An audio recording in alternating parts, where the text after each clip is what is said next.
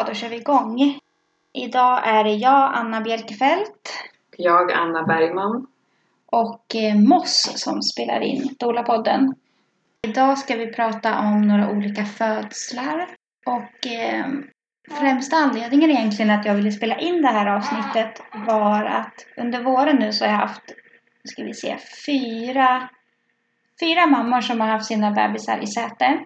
Mm. Och eh, ett par mammor som har haft eh, placentan, alltså moderkakan, långt ner. Mm. Och som har blivit oroliga för att inte kunna föda vaginalt. Och för att ehm, de har liksom känt att de har blivit lite uppskrämda när man får veta från sjukvården att okej, men om den inte flyttar sig då kommer det bli ett planerat snitt. Mm. Och sen har det liksom känts som att det har varit punkt slut. Och så har man inte som kvinna kanske fått eh, några alternativ eller mer information eller liksom känna att man är delaktig. Mm. Och då har vi ju tänkt lite i Dola-podden att vi ska slänga in lite då och då förlossningsberättelser. För att många tycker att det är väldigt roligt att lyssna på. Och det är också väldigt roligt att höra olika upplevelser av att föda barn. Och då tänkte jag på Anna som är en av mina närmsta kollegor. Att eh, hon har fått, hur många barn? Tre. Tre barn. Och den yngsta, Moss, är alltså med oss idag. Då tänkte jag på Anna och smsade henne i liksom samma stund som jag hade någon tanke kring det här. Det är verkligen så här på sekunden. Jag bara, Anna, vill du komma till podden och prata? Mm. Och eh, Anna är ju föräldraledig med Moss nu så att vi har fått köra lite inspelningar eh, lite när det har funkat och eh, Anna har tagit sig hit till Bromma. Eh, jag tänker att vi kan väl börja med att prata om eh, lite din första födsel, bara så man får en bild. Mm. Mitt första barn föddes 2012 när jag var 26 år. Hon föddes på SÖS. Eh, och eh, jag var ganska oförberedd på allting. Liksom. Jag kände som att när hon föddes så var det som att liksom typ en kran av så känslor och så här, lite liksom obearbetade trauman bara så här öppnades. Liksom.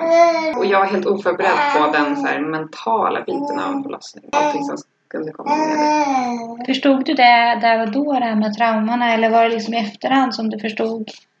Jag tror att det var liksom att jag... Jag tror att det var så här... Jag förstod det där och då, i alla fall kroppsligt liksom. Men jag tror att det var så här bristen på kontroll som ju en förlossning är. På ett sätt är det ju det så här, att eh, man inte vet vad som ska hända och, och att allting kan bara så ändras helt plötsligt och man vet inte hur man kommer känna, särskilt när det är första barnet. Liksom.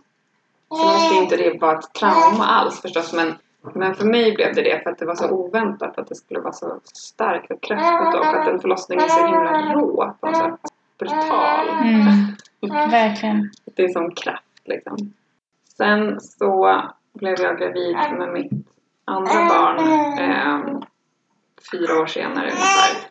Och då hade jag hunnit gå en doula-utbildning och jag hade liksom börjat Alltså efter mitt första barns födelse så blev jag nästan obsessed med att förstå varför, varför jag tyckte det var så mycket som kändes så fel.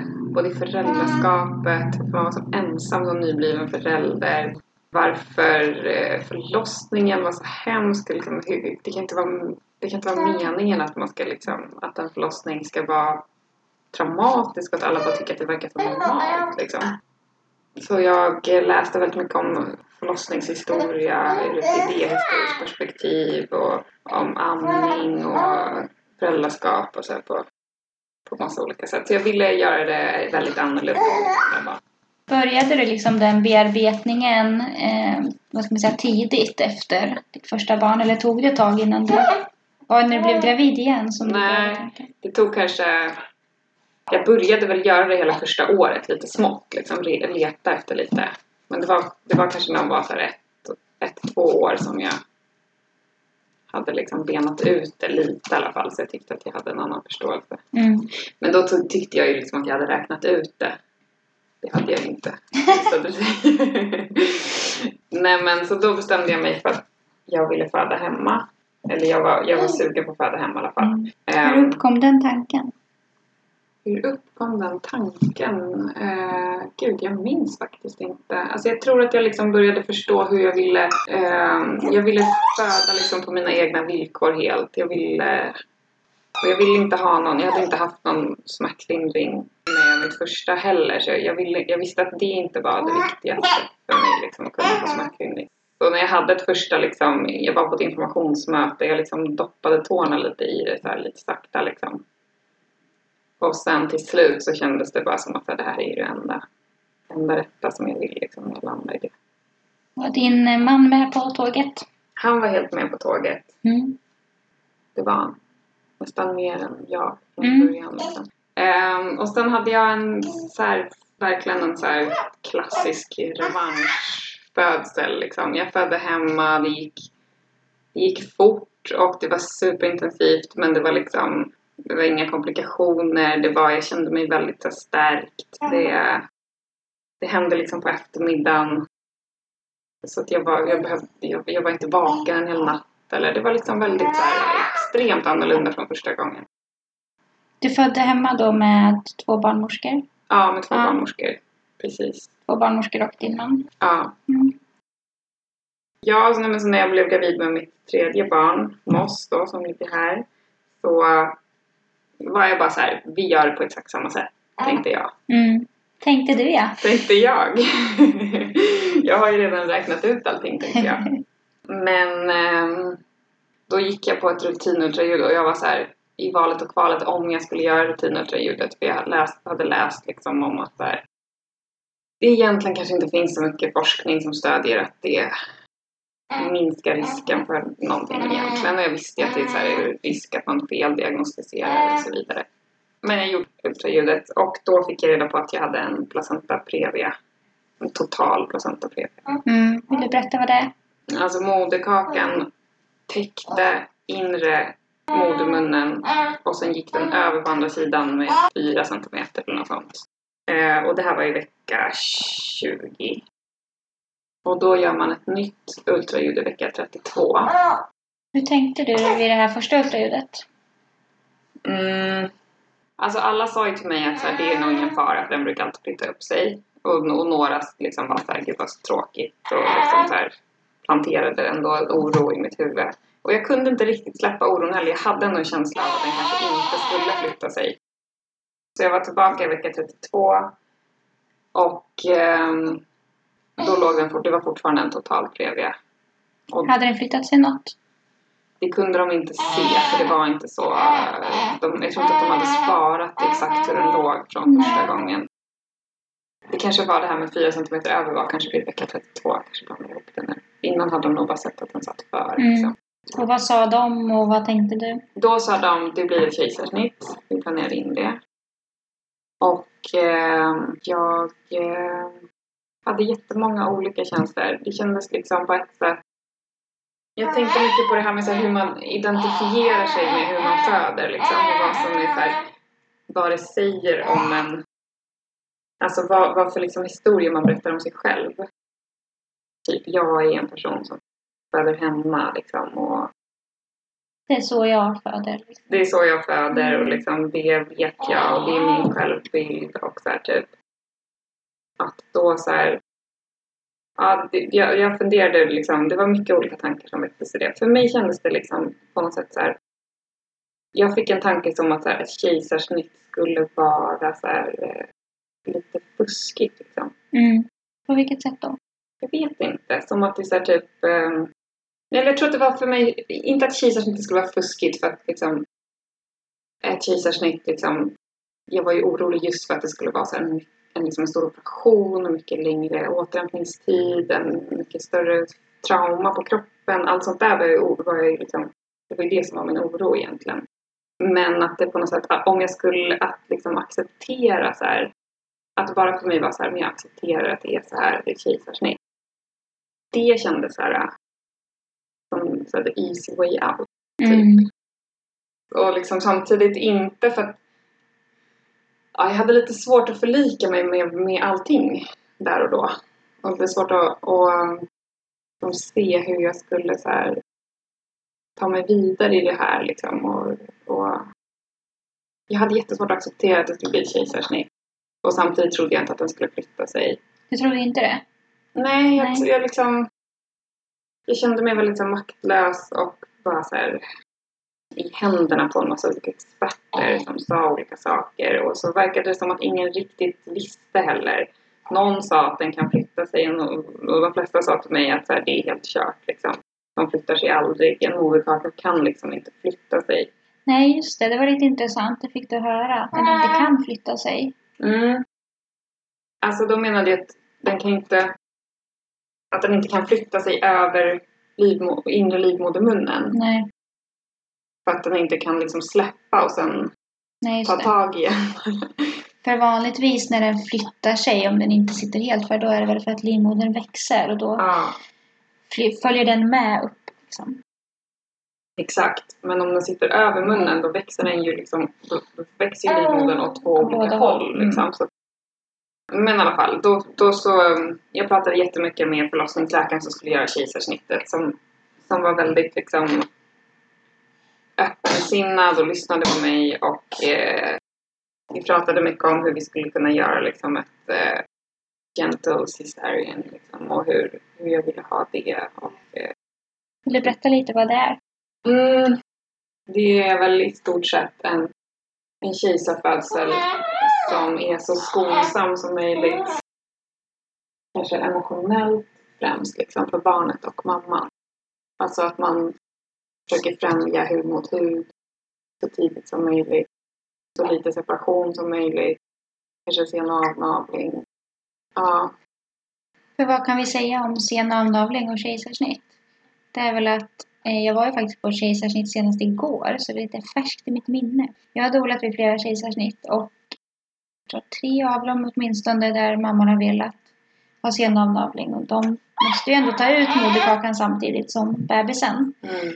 Sen kan det ju vara liksom att det blöder mycket eller att det är någonting som gör att de behöver sy ihop och då kan det vara svårt att ha bebis och eh, navelsträng där.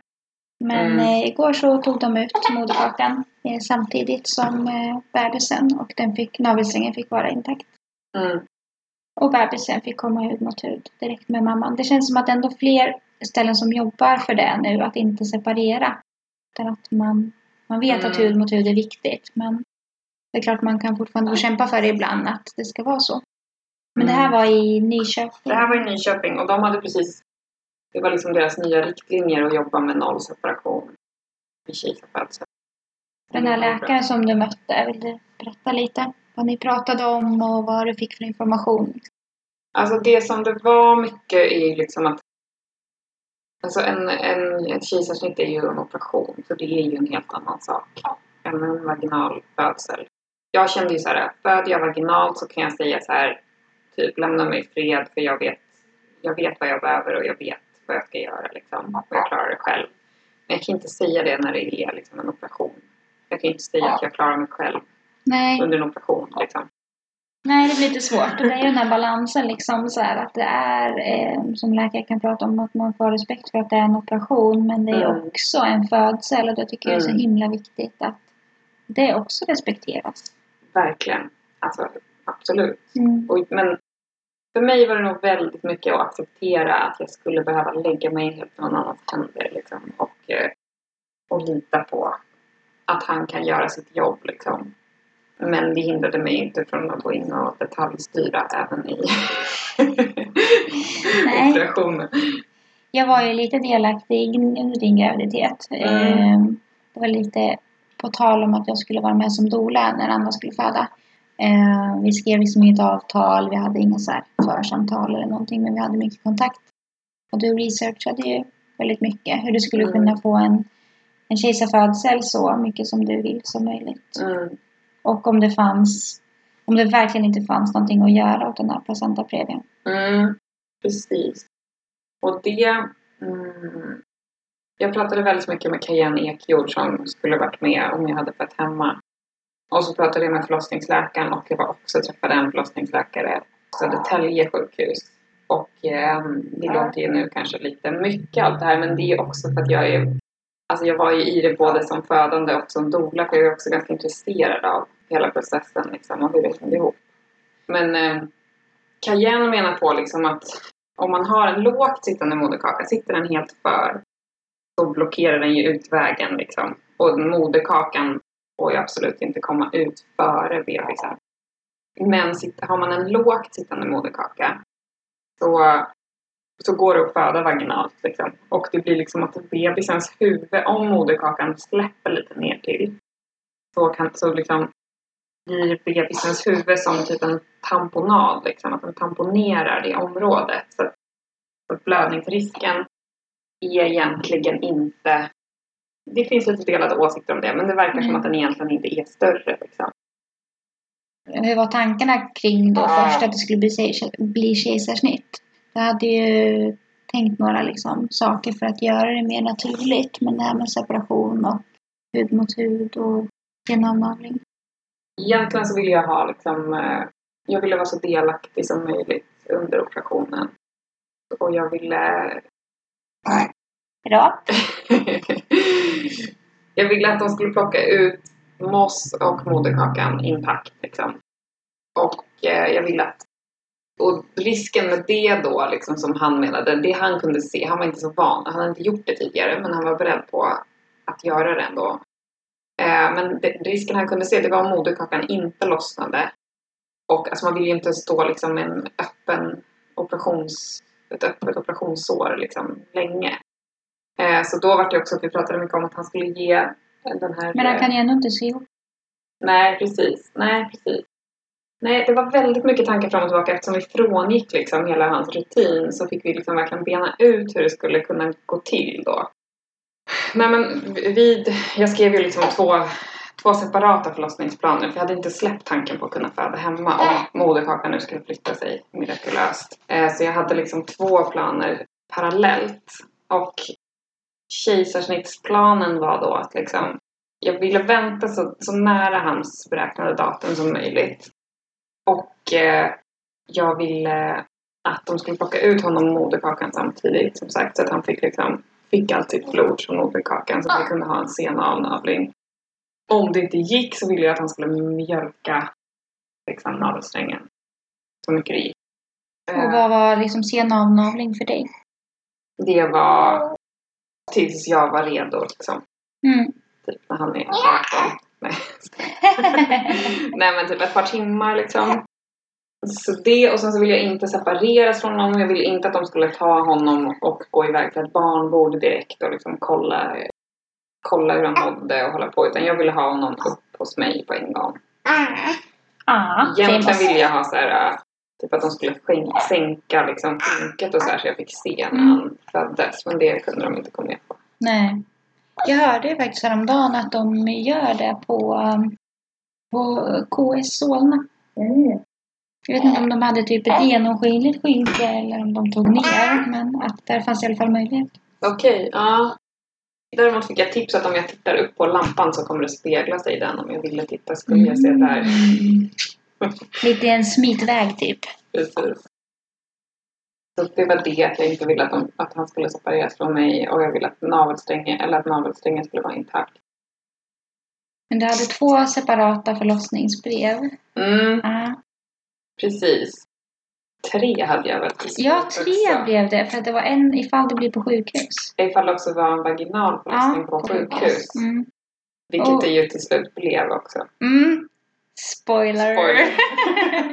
det här ska jag bygga upp. Exakt. Nej men eh, berätta varför du tänkte att du skulle ha ett sånt brev också. Därför att, mm, och det här pratade jag jättemycket med Cayenne under min graviditet som var en fantastisk stöd i det här. Vi hade ju planerat en hemförlossning då, att hon skulle vara med mig. Och så när, när det blev konstaterat eh, placenta previa så hon hade aldrig hört talas om att en sån hade flyttat sig.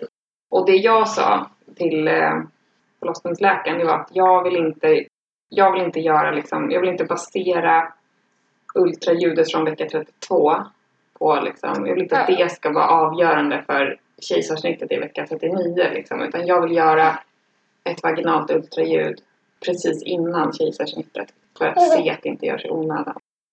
Och vad tänkte läkaren om det? Han tyckte att det var en jättebra idé. Mm. Och jag kan inte förstå varför man inte alltid gör det. Nej. För det är sånt himla litet ingrepp. Mm. Och det är så himla billigt jämfört med ett kejsarsnitt. Mm. För de som inte vill ha ett kejsarsnitt Mm. liksom, har planerat en vaginalfödsel. Inte för att vara cynisk eller så, men att sjukhusen får ju mer pengar Mm, vid ett kejsarsnitt ja. vid en vaginalförlossning. Men tänk vad många kejsarsnitt som kanske görs i onödan. Ja. Och ehm, så det var planerat och då började jag läsa på om hur, om det fanns någonting jag kunde göra för att liksom öka chanserna att moderkakan skulle flytta upp sig. Och den enda liksom medicinen som har en förklaringsmodell är en kines, traditionell kinesisk medicin. Och hur hittade du det? Eh, jag tror att jag hittade det när jag liksom researchade placenta previa. Då kom jag in på det av någon anledning. Och så jag hörde av mig till en, en kinesisk läkare. Och eh, den förklaringsmodellen är att liksom det här är så väldigt, väldigt eh, förenklat för jag kan verkligen inte kinesisk medicin. Men att liksom det hänger ihop med låg livsenergi. Um, så att om man är deprimerad eller eh, väldigt ångestfylld eller orolig eller så, så är det större risk att placentan sätter sig lågt. Kände du dig nedstämd? Ja, det gjorde jag. Mm. Kanske inte kliniskt deprimerad. Så ehm, jag började gå hos henne. Jag fick örter som jag åt och jag fick akupunktur. Och jag gick väl en gång i veckan. Det här var, jag, jag började sent, liksom. började kanske i vecka 35 eller något sånt där. Och sen så gick jag och pratade med den här förlossningsläkaren i Södertälje som är en liksom, erfaren läkare för att fråga honom om en placenta kan flytta sig, hur det fungerar och vad han ansåg om vaginalfödsel när, man, när placentan sitter så lågt. Och han sa till mig att den kan visst klättra. Alltså ungefär som en... Jag har, tänker mig det liksom som en sjöstjärna lite. Att den liksom Mm. släpper lite och sen liksom Mm. öster. Så, att den, så han sa att den kan... Ja, vartefter ja. Mm.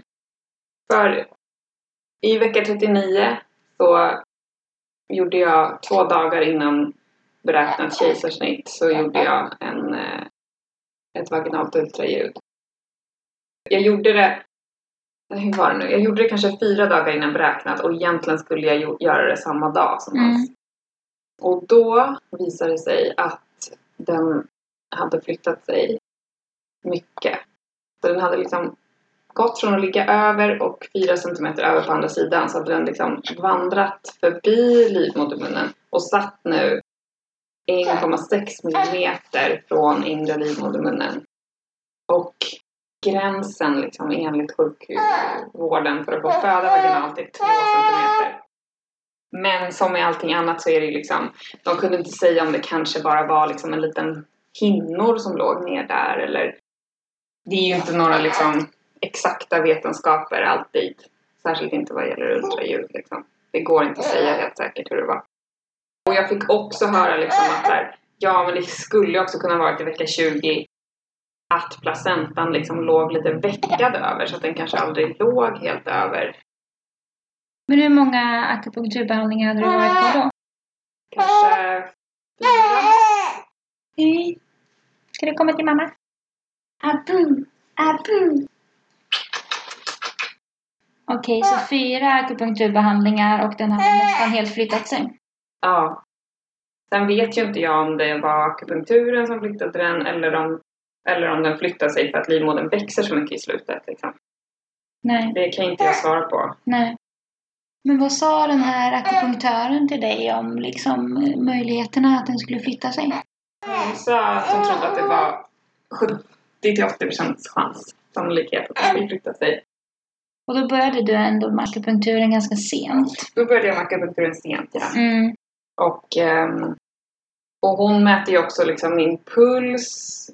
Hon mäter ju pulsen på liksom tre, tre olika sätt. Och sen är det liksom ens allmäntillstånd, så hur man mår. Och eh, det, jag kände liksom att det blev att jag kom ner. Alltså det blev, en, det blev skillnad i min kropp. Liksom. Jag hade inte lika mycket hjärtklappning. Mådde du, var du mindre nedstämd?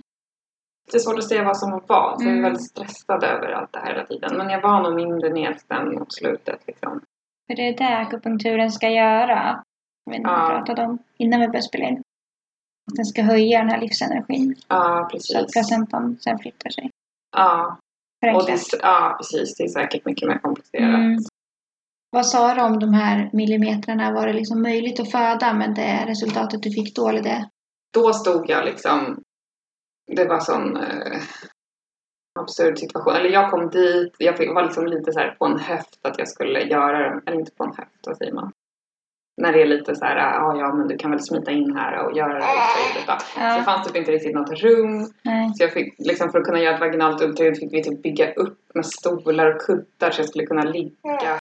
Först gjorde han då, den här förlossningsläkaren, ultraljudet och jag så här, mm, sa ingenting liksom. Och jag bara, men herregud, så här, droppa det, säg nu liksom, hur ser det ut liksom? Jo, men så här, jag tror att den har flyttat sig så här. Och jag bara, men gud, varför liksom hurrar du inte? Eller varför så här? Och så kom in någon annan förlossningsläkare också och tittade. Jo, men den, den har flyttat sig så här. Och de bara, vågar vi föda vaginalt? Jag bara, ni ska inte göra någonting. Så här. Nej, jag kommer inte göra någon kejsarsnitt i alla fall. Liksom. Sa de så? Vågar vi? Vågar vi? Jag bara, Mm. och jag tror att det då på något sätt så här. I det ögonblicket kände jag mig väldigt så här lättad och stärkt och typ så här bara yes liksom. Nu, jag hade känt mig så, så här fångad i min egen kropp. Liksom, någon måste skära ut mitt barn för annars kan det inte komma ut. Det kändes liksom som att någon stod med en kniv så här, och jag bara hann ducka precis. Liksom. Ah. Snabbt duckat. Mm. Liksom, det skulle vara möjligt att föda vaginalt med den millimetern kvar, eller vad var det du sa? Mm. Mm. Men de ville inte det för att... De menade väl nu liksom att om jag skulle föda, alltså det, det var ju fortfarande en vecka kvar till beräknat datum liksom. Och moderkakan hade ju flyttat sig typ 6, 7, 8 centimeter på fyra veckor. Så att, och då sa Kajen så här. Tänk om jag kommer med, tänk om jag möter dig på Nyköpings lasarett på förlossningen och är med som doula istället. Och eh, det kändes som att det var en perfekt kompromiss där och då. Och när vi hade bestämt det, att hon skulle komma dit, så bara kunde jag slappna av. Då kändes det inte som att jag hade några orosmoment längre. Och trots att det var så här, alla våra bilar satt fast, jag hade jättetäta starka verkar, så var jag liksom inte ett dugg stressad eller orolig. Fick ni hacka loss bilarna eller hur gjorde ni i snökaoset? Ja, alltså min man och mamma var ute och försökte liksom hacka loss bilarna. Gud, det skulle jag varit jättestressad över. Ja, jag skulle också varit det om jag var liksom om jag inte var så himla hög på liksom oxytocinet och typ inte märkte någonting av det här. Jag hade liksom ingen bråttom så vi var hemma och typ vi höll på och fixade med, jag hade jättemycket förberedelser, jag hade med mig så här hade så här någon slags oro att tänk om det tar jättelång tid fastän det hade gått fort liksom med mitt andra barn. Så jag tänk om det tar jättelång tid, jag måste ha med mig så här mycket saker som jag kan äta och dricka liksom. Så jag hade med mig så här rödbetsjuice, vi hade med oss buljong, vi hade med oss typ Alltså innan vi skulle åka, min mamma var jättestressad. Hon bara, ni måste åka nu. Så här, jag bara, jag måste bara göra en smoothie. Så här. Hon bara, men skit i det nu. Så här. Kanske inte den bästa personen att ha på plats när man liksom ska behålla lugnet. Men vi, eh, vi åkte iväg i alla fall slut.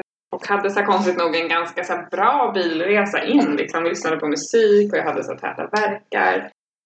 De hade spärrat av vägen för det hade varit jättemycket bilolyckor så vi fick typ köra någon omväg och hej och. Men i och med den här liksom att Cayenne skulle komma dit och möta mig jag hade förberett allting så kände jag mig så här, jag kunde ändå slappna av liksom. Hur lång tid tar det från er till En sjukhuset? halvtimme Mm. I vanliga fall eller då? i vanliga fall. ja, nej men vi kom fram. Tony gick och parkerade bilen. Jag kom upp. Det kom fram en eh, undersköterska. Vill du lägga dig i sängen? Jag tänkte aldrig i livet. Jag vill inte lägga mig i sängen. Så här. Jag ska lägga mig i badet liksom. Och det är typ en av de första sakerna hon sa. Ja. Lägg dig i sängen. Och det här var alltså, jag kände liksom, alltså jag hade så täta verkar att det var, jag kände så här, det här är ju, det kommer inte vara så länge till liksom. Så vi tappade upp ett bad, plockade fram alla en miljon smoothies och hej och liksom och tände de här elljusen och hällde lite lavendelolja i vattnet. Hade du gjort CTG? Jag hade avsagt mig. Jag ville ha liksom en så hemlik förlossning som möjligt. Hemlig lät det som det sa. Vad sa du? Hemlig? Hemlig. Det också, för jag hade ju låst in mig i badrummet. Nej men jag ville liksom... Min, min största oro, varför jag inte hade velat föda på sjukhus, alltså min största liksom oron till att föda på sjukhus var att jag skulle bli störd. Så att jag skulle bli stressad. Så att det skulle liksom kunna öka risken för blödningar i slutändan. Det var en av mina största. Och att jag också skulle bli störd, att, att de skulle pressa mig. Att jag skulle behöva liksom göra rutiner som jag själv vet inte har någon evidens. Eh, och att jag därför skulle bli stressad av det. Det var därför jag hade gjort så många liksom... Det var därför jag var så väldigt tydlig med dem. Ehm, Och när kom Cayenne i förhållande till att ni kom in? hon kom väl kanske så här 40 minuter senare eller någonting, en halvtimme senare. Så barnmorskan lyssnade lite med tratt. Jag fick en jättebra barnmorska som tyckte att det jag gjorde var bra liksom. Även om hon var tvungen att säga liksom, att hon var tvungen att göra alla de rutinerna så gjorde hon inte det. Så hon lyssnade med tratt och hon gav mig lite akupunktur. Och sen lämnade hon rummet liksom. Och då var ni i badrummet. Då var vi i badrummet och jag hade täta värkar kanske i en halvtimme till och sen så hade jag väl krystvärkar i kanske 20-30 minuter. Och sen föddes han. Cayenne var med och den här barnmorskan kom in på slutet. Och det var superintensivt men det var ingen blödning att tala om. Du födde i vattnet. Och han föddes i vattnet. Vilket jag heller inte hade fått göra. Men det var ingen som sa någonting där och då heller. Visste barnmorskan att du hade en doula som var hembarnmorska? Ja. Ja. Så det spelade nog in också. Mm. Och Cayenne är ju också lite känd liksom. Ja. Så det kan ju också ha spelat in. Jag tror att liksom det faktum att jag var doula och hade liksom skrivit det här brevet med liksom insiderinformation om hur, hur det funkar inifrån. Att jag också förstod deras, deras del i det. Vad det skulle innebära för dem att inte utföra sina arbetsuppgifter. Att Typ hade att du tog på dig ansvaret eller vadå? jag hade formulerat liksom så att jag tar på mig ansvaret för att ni inte liksom följer era rutiner. Och jag kommer inte hålla er ansvariga om någonting händer. Jag hade skrivit också så här, jag kommer hålla er ansvariga om ni pressar mig. Jag vet inte hur mycket det spelade in men jag tror ju att det verkligen spelade in att jag hade med mig en barnmorskedoula. Mm. Och att jag själv skrev mitt förlossningsbrev utifrån mina doula-kunskaper. Tyvärr. Hur tänker du kring den här födseln nu och liksom den här resan som du gjorde? Alltså jag har ju lärt mig... Jag lärde mig väldigt, väldigt mycket. Det var många så här, twist and turns liksom på den här resan. Det var många gånger som jag trodde att det skulle bli på ett sätt och sen så dök det upp någonting oväntat som gjorde att det... Att jag var tvungen att liksom börja i en ny riktning. Men jag tror att liksom det, det, så som det alltid är i vår kultur så känns ju en resa oftast väldigt medicinsk. Liksom det är, som, som i det här fallet så är ju, det var, jag fick en diagnos, det var en, en lågt sittande moderkaka eller en placenta previa. Det skulle bli ett kejsarsnitt. Det är det på något sätt som man ser och det är det man pratar om. Men sen, jag lärde mig också väldigt mycket om att så här, lyssna på min intuition och min magkänsla och eh, vad som är rätt för mig och vad jag behöver för att känna mig trygg. För att kunna göra det här, vad jag behöver för att kunna fatta beslut. Och också att så här, det, är inte alltid, eller om ens någonsin, så här, att, att slutmålet är det som är det viktiga. Utan att hur man har tagit sig dit. Att man har känt att man har varit delaktig och fått fatta kunnat fatta beslut och kunnat liksom vara med i processen. Att man har verktyg till att liksom ta sig till, till målet. Ja, för jag tänker att även om det hade blivit en, en kejsarfödsel så eh, det säger ju inte att det hade blivit sämre än vad den här förlossningen blev upplevelsemässigt. Eh, utan mer så att du hade en stark önskan om att föda vaginalt. För dig var kejsarsnittet väldigt stort no-no. Ja, precis. Det beror ju på vad man har för, för rädslor och vad man har för liksom, föreställningar om sig själv och om födande och vad som är viktigt för en. Liksom. Ja, det var ju också ganska stor liksom, långt spann, eller stort spann mellan att föda hemma och helt plötsligt blir det en operation. Ja. Det var liksom som natt och dag. Ja, men precis. Och också för mig var det stort att liksom att jag hade liksom en inre komplikation som jag inte kunde se och inte känna. Men så att det blev liksom att min... Att det, plötsligt så var jag liksom en riskföderska som jag aldrig hade varit tidigare. Och att jag behövde... Jag behövde hjälp för att kunna föda mitt barn. Mm. Jag kan tänka mig att det kommer jättemycket tankar och känslor kring det. Vad man, hur man ser, ser på sin kropp och liksom förmågan att föda som ändå är liksom väldigt förknippat med den kvinnliga kroppen. Och liksom någonting som man ska klara av. Så. Ja. Och särskilt när man jobbar som doula. Ja. Liksom, när man känner till så mycket. Mm. Som jag nämnde i början där med att varför jag ville spela in det här avsnittet. Eh, att jag har haft många mammor med bebisar i säte, alltså rumpan ner. Eh, och eh, flera mammor med placenta previa eller delvis så moderkakan för. Det är väl lite så här att jag tänker att det behöver inte alltid vara liksom att okej, men nu är det säte, då blir det kejsarfödsel. Nu är det placenta previa, då är det kejsarfödsel. Utan att det finns väldigt många olika vägar att gå. Och en placenta previa behöver ju uppenbarligen inte innebära att det måste bli en kejsarfödsel. Men det känns som att kunskapen här är ganska begränsad. Mm. Men att det finns saker som man kan göra. Och Mm. eh, samma vid säte som vi pratade om också. När vi spelade in om Active Baby. Att eh, man kan vända bebisar som ligger i säte. Och det är bra att försöka se till varför bebisen har lagt sig så. Mm. Att man också kan föda vaginalt i sätet. Absolut. Det finns ju många alternativ. Men just med placenta previa, någonting som jag bara tycker borde göras alltid för, för någon som inte vill göra kejsarsnitt, är ju att göra ett ultraljud innan kejsarsnittet för att se om det verkligen är nödvändigt. Mm. Ja, jag har liksom ingen aning om hur lätt det är att få till. Eller vad man ska säga. Att man kan få dem att göra det. Att man önskar det. Jag tror att det inte borde vara, alltså det är väldigt svårt att argumentera emot det. Mm. Eftersom att det är en sån väldigt, väldigt liten grej. Mm.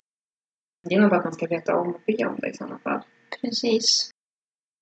Är det något annat sådär som vi eh, inte har sagt eller som vi tänkte på? Alltså, vikten av stöd under graviditet och förlossning har ju så här, verkligen slagit mig i det här. Alltså, jag hade jättefint stöd under min andra förlossning också, men nu så var det ju som att jag bara kände mig så här helt omsluten av visa kvinnor, typ som du som fanns där, och igen. och bara så vänner som liksom ja, men erbjöd råd och stöd och eh, jag bara kände hur det verkligen så här hjälpte mig jättemycket. Jag tänker att det krävs ju ett intresse liksom, från en själv att, att du- göra den här researchen och en stark vilja att faktiskt föda vaginalt. Att många hade kanske bara sagt ja, men då blir det kejsarsnitt. Och, och det är inget fel med det, verkligen inte. Utan det gör man ju det man känner. Men, Mm. men att i ditt fall så känns det som att det var mycket för att du, du Mm. var intresserad och du ville föda vaginalt. Liksom. Mm.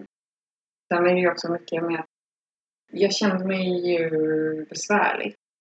Det är ju också någonting som jag... Nu tycker inte jag att det är jättejobbigt att vara besvärlig.